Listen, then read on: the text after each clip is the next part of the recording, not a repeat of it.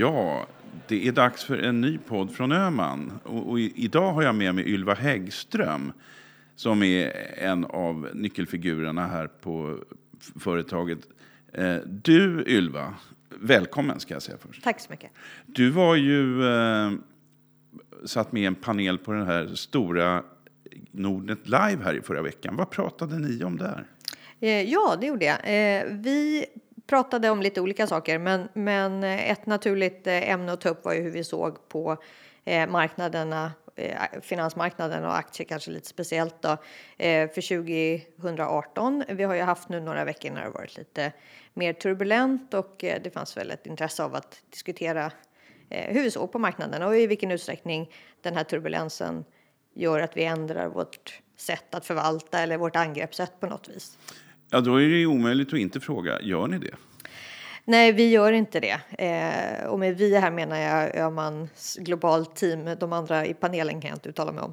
Eh, men vi, vi har ju en strategi eller en förvaltningsfilosofi att jobba med det vi kallar investeringsteman. Eh, där vi försöker identifiera långsiktiga trender i samhället som får ekonomiska konsekvenser och sen försöka hitta företag som tjänar på det eller som gynnas av de här långsiktiga trenderna. Eh, och på så vis så blir en sån här turbulens som vi har nu eller lite stökighet på marknaden spelar inte så stor roll. Det kan ju snarare ge lite möjligheter att kanske komma in lite billigare i något eh, bolag som man har kikat på ett tag och tycker är intressant. Ja, det är väl en känsla som jag får och som jag har också fått beskriven. Det är att Eh, jag menar, stora professionella placerare här i Sverige har inte blivit så jättestressade av den här dippen som, som, eh, som började på Wall Street för ett par veckor sedan, trots allt.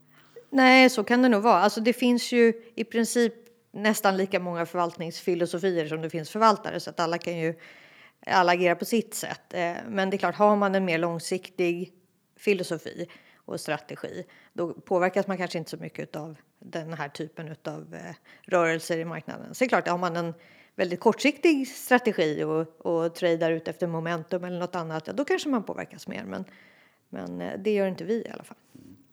Eh, långsiktig, det var ett av orden som du använde för att beskriva er strategi. Mm. Eh, vi, det finns några andra ord här och, och, ett av dem är väl säkerhet. Att ni ska göra relativt säkra placeringar. Eh, ja, det är klart att vi vill försöka göra det eller försöka hitta bra investeringar eh, ska vi väl säga. Men, men ett av de investeringsteman som vi eh, jobbar ut efter och som vi tycker är jätteintressant långsiktigt, det är just säkerhet. Eh, och det kan man ju tycka är något sorgligt på något sätt att, att eh, världen är så osäker så vi måste leta efter sätt att göra den säkrare.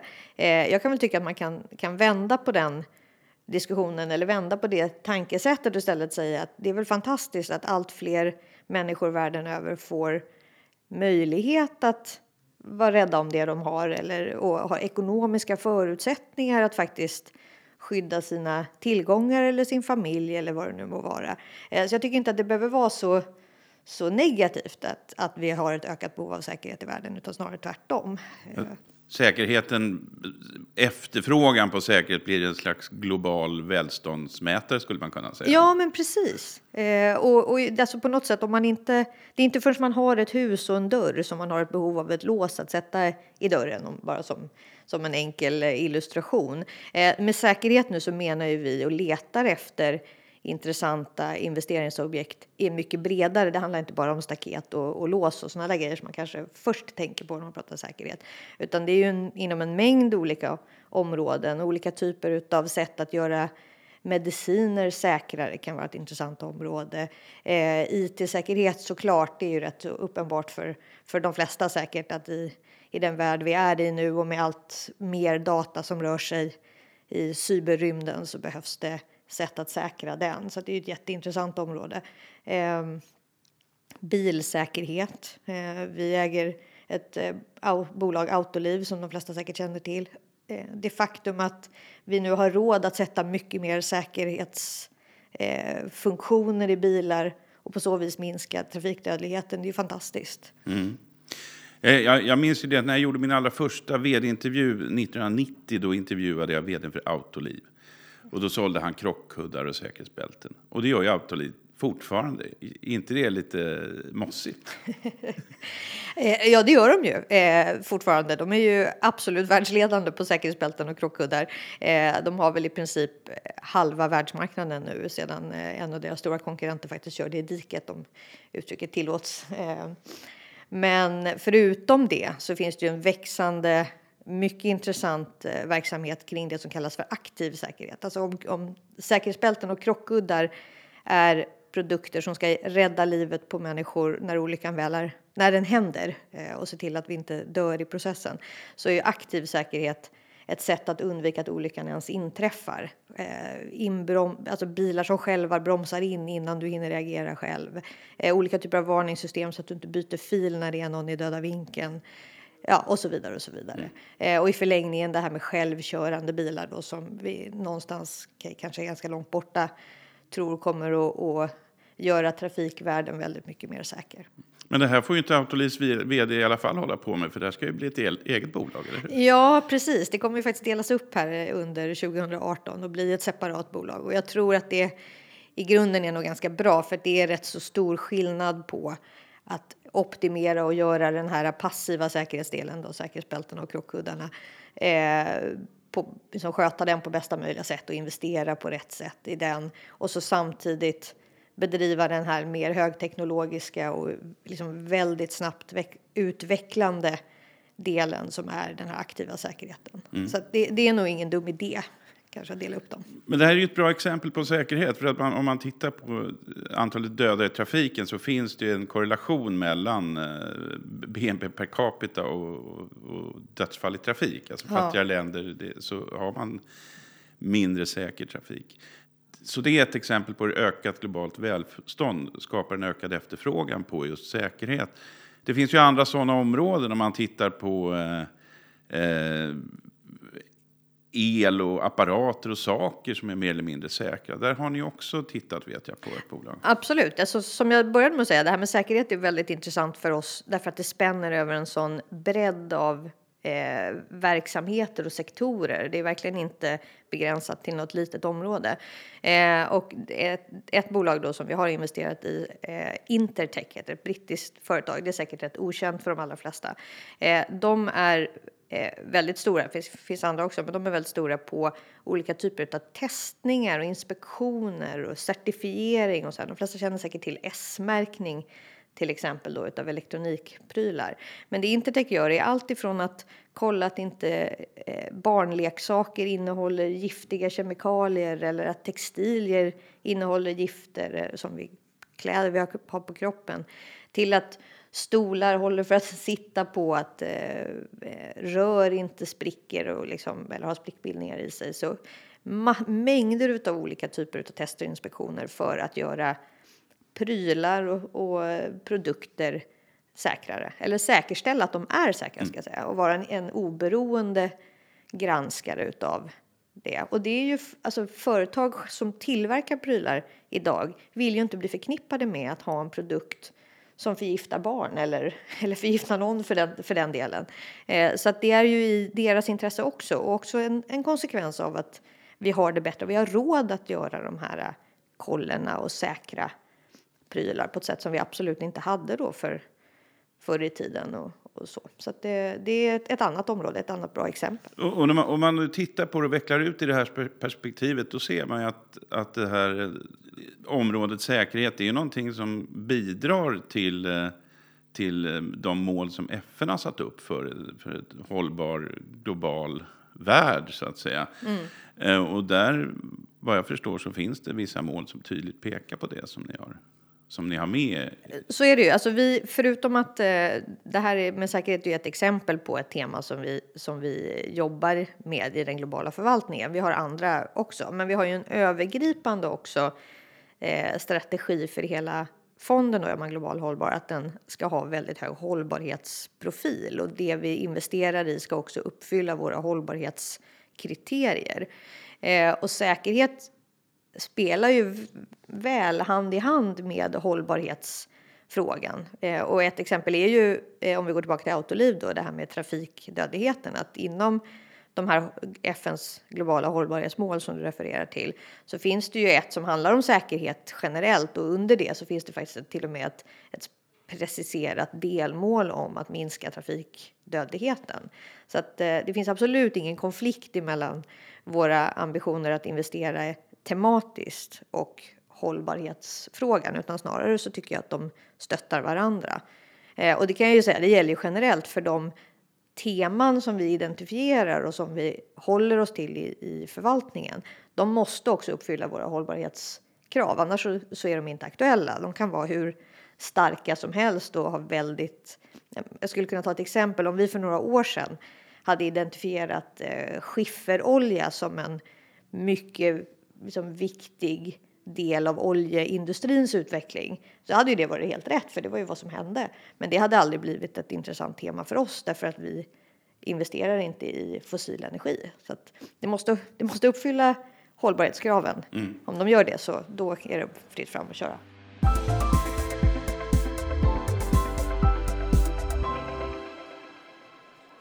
Jag vill inflika att historisk avkastning är ingen garanti för framtida avkastning.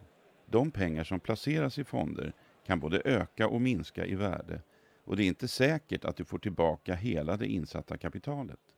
Vi rekommenderar att du läser fondens faktablad och fullständiga informationsbroschyr innan du köper andelar i en fond. Ja, om man tittar på, på Öhmans placeringsfilosofi och, och, vad som driver er så verkar det ju vara, det handlar väldigt mycket om etik. Eh, ni har en hög lägstanivå skulle man väl kunna säga på, mm. på alla era placeringar. Eh, jag brukar jämföra det med här, den här Michelin-guiden, att allt ni investerar i enstjärnigt så att säga. Och sen har ni vissa, eh, en del fonder som den här Öhman, eh, den här gröna obligationsfonden, den kanske rent av trestjärnig. Det är man global hållbar också. Det är man global hållbar också. Absolut, det är klart den är. Den är trestjärnig. Men Om vi pratar hållbarhet. Men det här, det här temat då, säkerhet, var, var skulle du vilja placera, om det, placera det? Är det en tvåstjärnig eh, filosofi ni har där? Eller? Nej, det tycker jag inte. Alltså, vår, hela vår fond är trestjärnig skulle jag vilja påstå om jag ska sticka ut eh, hakan lite grann. Och eh, det tycker jag att de teman som vi jobbar utifrån i investeringsprocessen, de är alla trestjärniga. De, de bolag som vi letar eh, är alla trestjärniga och temana är också, de är okej okay ur, eller de är bra ur eh, hållbarhetssynvinkel. Sen är det ju självklart så att det kan finnas företag i som ryms i det, ett givet tema som inte är trestjärniga om vi nu använder den där analogin.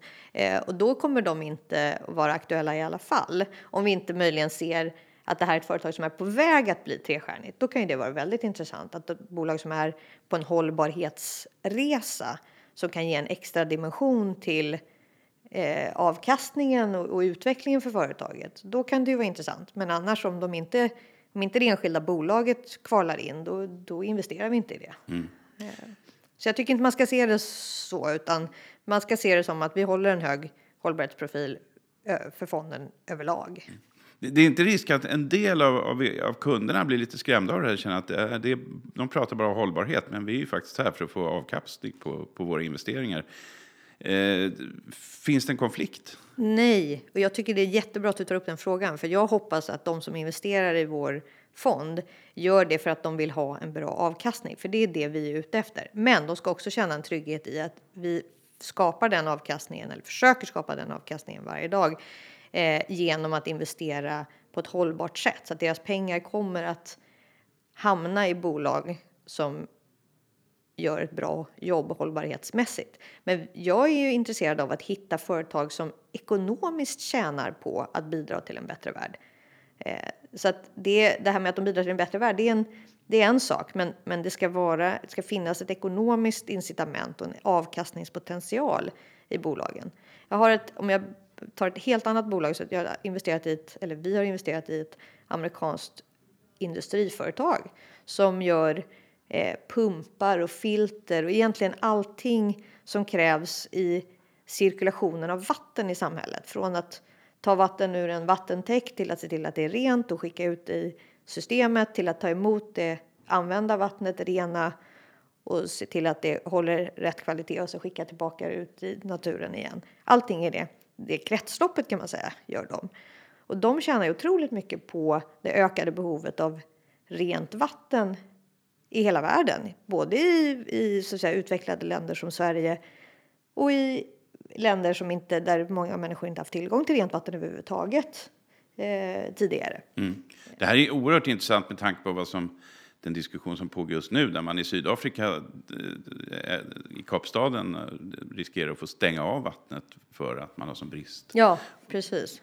Och utan att säga att Xylem, som är bolaget heter i det här fallet, då ska kunna rädda Syd eller Kapstaden just i, i det här fallet. Så deras produkter bidrar ju till en minskad användning och minskat vattenspill och så vidare. Så det där är ju det är jätteviktigt för att uppnå FNs hållbarhetsmål. Det är jätteviktigt bara ur liksom, en allmän så att säga, etisk synvinkel att människor världen över ska ha tillgång till rent vatten. Eh, men det är också väldigt goda möjligheter för det här företaget att tjäna pengar på att sälja de här produkterna och utveckla produkterna bättre och så vidare, utveckla systemen. Så det ska inte finnas någon konflikt. Nej, tjäna pengar på det faktum att det är inte att det finns för lite vatten på planeten som är problemet, utan det är faktiskt att infrastrukturen inte är, är utvecklad på ja, många ställen. och att vi använder vatten fel, använder för mycket, spiller för mycket vatten och, och eh, förorenar vatten på, på ett ohälsosamt sätt. Så att säga. Mm det här säkerhetstemat då som ni, som ni jobbar med, när, satt, när började ni titta på det på allvar? Ja, det är förhållandevis nytt i vår, i vår, vår grupp så att säga. Vi började väl kanske kolla på det mer eh, Eh, så att säga, ingående för ett år sedan. Eh, det kanske hade varit lite på tapeten innan dess, eh, men kanske för ett år sedan. Och, jag tycker att vi har bara blivit mer och mer övertygade om att det här är liksom långsiktiga trender och väldigt intressanta områden att leta vidare kring tycker jag under det här året som har gått. Så att jag skulle säga att liksom det, det, känns, vi känner ännu starkare för det nu än vad vi gjorde kanske för ett år sedan. Men ja, ett år kanske. Mm. Och vad händer sen med ett sånt här tema? Kommer det sakta men säkert att sjunka in så att säga i de övriga portföljerna och, och bli en naturlig del eller har man fokus länge på ett sånt här tema? Så, så länge trenden förefaller leva och så länge så att säga, värderingarna på bolag som tjänar på den här trenden inte drar iväg för mycket, då tycker jag då är det högaktuellt och jätteintressant. Eh, vi hade ju under förra året så var vi väldigt fokuserade på eh, temat kring så att säga, paradigmskiftet i bilindustrin har vi kallat det för. Det låter ju lite högt flygande sådär. Men, men allting från, från eh, förändringarna från, från förbränningsmotor till elektrifiering av bilparken och eh, vilka konsekvenser det får för, för hela den värdekedjan. Eh, det tyckte vi var, var ett väldigt intressant tema. Eh, det är väl ett som kanske det gick otroligt bra. Ehm, många av de bolag vi investerade i under förra året gick väldigt bra. Värderingarna börjar bli ganska höga ehm, det betyder ju inte att det, vi tror att det är slut på den här elektrifieringen. Vi är ju bara början av den. Den kommer pågå. Ehm, men just nu kanske värderingarna är ganska fulla på många bolag i den sektorn. Då kanske man kan ta ett steg tillbaka utan att på något sätt tro att det har blivit något brott på den där kurvan, att elbilar helt plötsligt, nej, det blir nog ingenting. Det är inte det, utan det är mer bara att värderingarna har dragit iväg. Mm. Eh, och lika, samma sak skulle kunna hända i, inom det här säkerhetsområdet, även om det är lite bredare kanske än, än det här bilexemplet jag just gav. Eh, men det är klart, hittar man, tycker man att det börjar bli dyrt, ja då kanske man backar lite. Mm. Så det finns ju, man kan säga då med, med tanke på det du säger om, om eh, de höga värderingarna Eh, på det temat eh, att det här nya Autolivbolaget det kommer att bli en riktig kursraket då skulle man kunna gissa med tanke på att det har tyngts ner av säkerhetsbälten och krockkuddar. Jag tror att det här krockkudde, alltså legacy Autoliv kan bli ett eh, väldigt kommer ha en väldigt bra värdering. Alltså det, det är ju ett bolag som också växer eh, kraftigt. Jag tror folk är väldigt fokuserade på den här aktiva säkerheten för det är det som är lite high tech och spännande eh, och framtiden och det håller jag med om. Eh, jag tror att folk har väldigt mycket mindre fokus på säga, gamla autoliv, om vi säger krockkuddarna och säkerhetsbältena. Jag tror att det kommer bli en fantastisk kassako som genererar väldigt mycket kassaflöden till. Jag tror båda kan vara intressanta. Men fokus är nog väldigt mycket på det här Veoneer då, som det nya bolaget ska heta. Veoneer, ja, det är ett bolag vi ska följa med spänning och tillsammans med de andra bolagen som du har pratat om här. Se, se hur det går för dem och hur det går för ett tema. Och eh, då får jag tacka dig Ylva Häggström för att du hade tid. Ja, och, tack själv. Och sitta ner med mig här en stund. Eh, och så hörs vi i en annan podd en annan gång. Det gör vi.